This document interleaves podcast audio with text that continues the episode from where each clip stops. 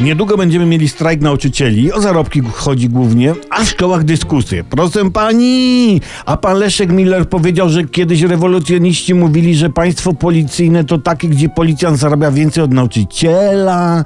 I on zapytał, jak nazywa się państwo, gdzie pani z NBP kasuje pięć razy więcej niż nauczyciel.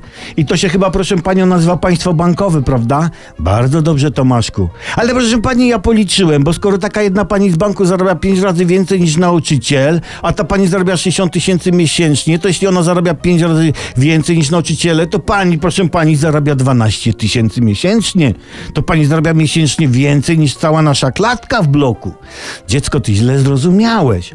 Tak, pani w banku zarabia pięć razy więcej niż nauczyciele, ale niż wszyscy nauczyciele z naszej szkoły razem wzięci.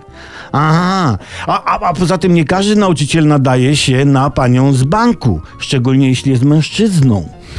A proszę pani, inny pan, taki od prezydenta, pan Szczerski, to otworzył przed nauczycielami możliwość zwiększenia swoich dochodów. On powiedział o nauczycielach, że nie mają obowiązku życia w celibacie. Ich też dotyczy 500 plus i panią też.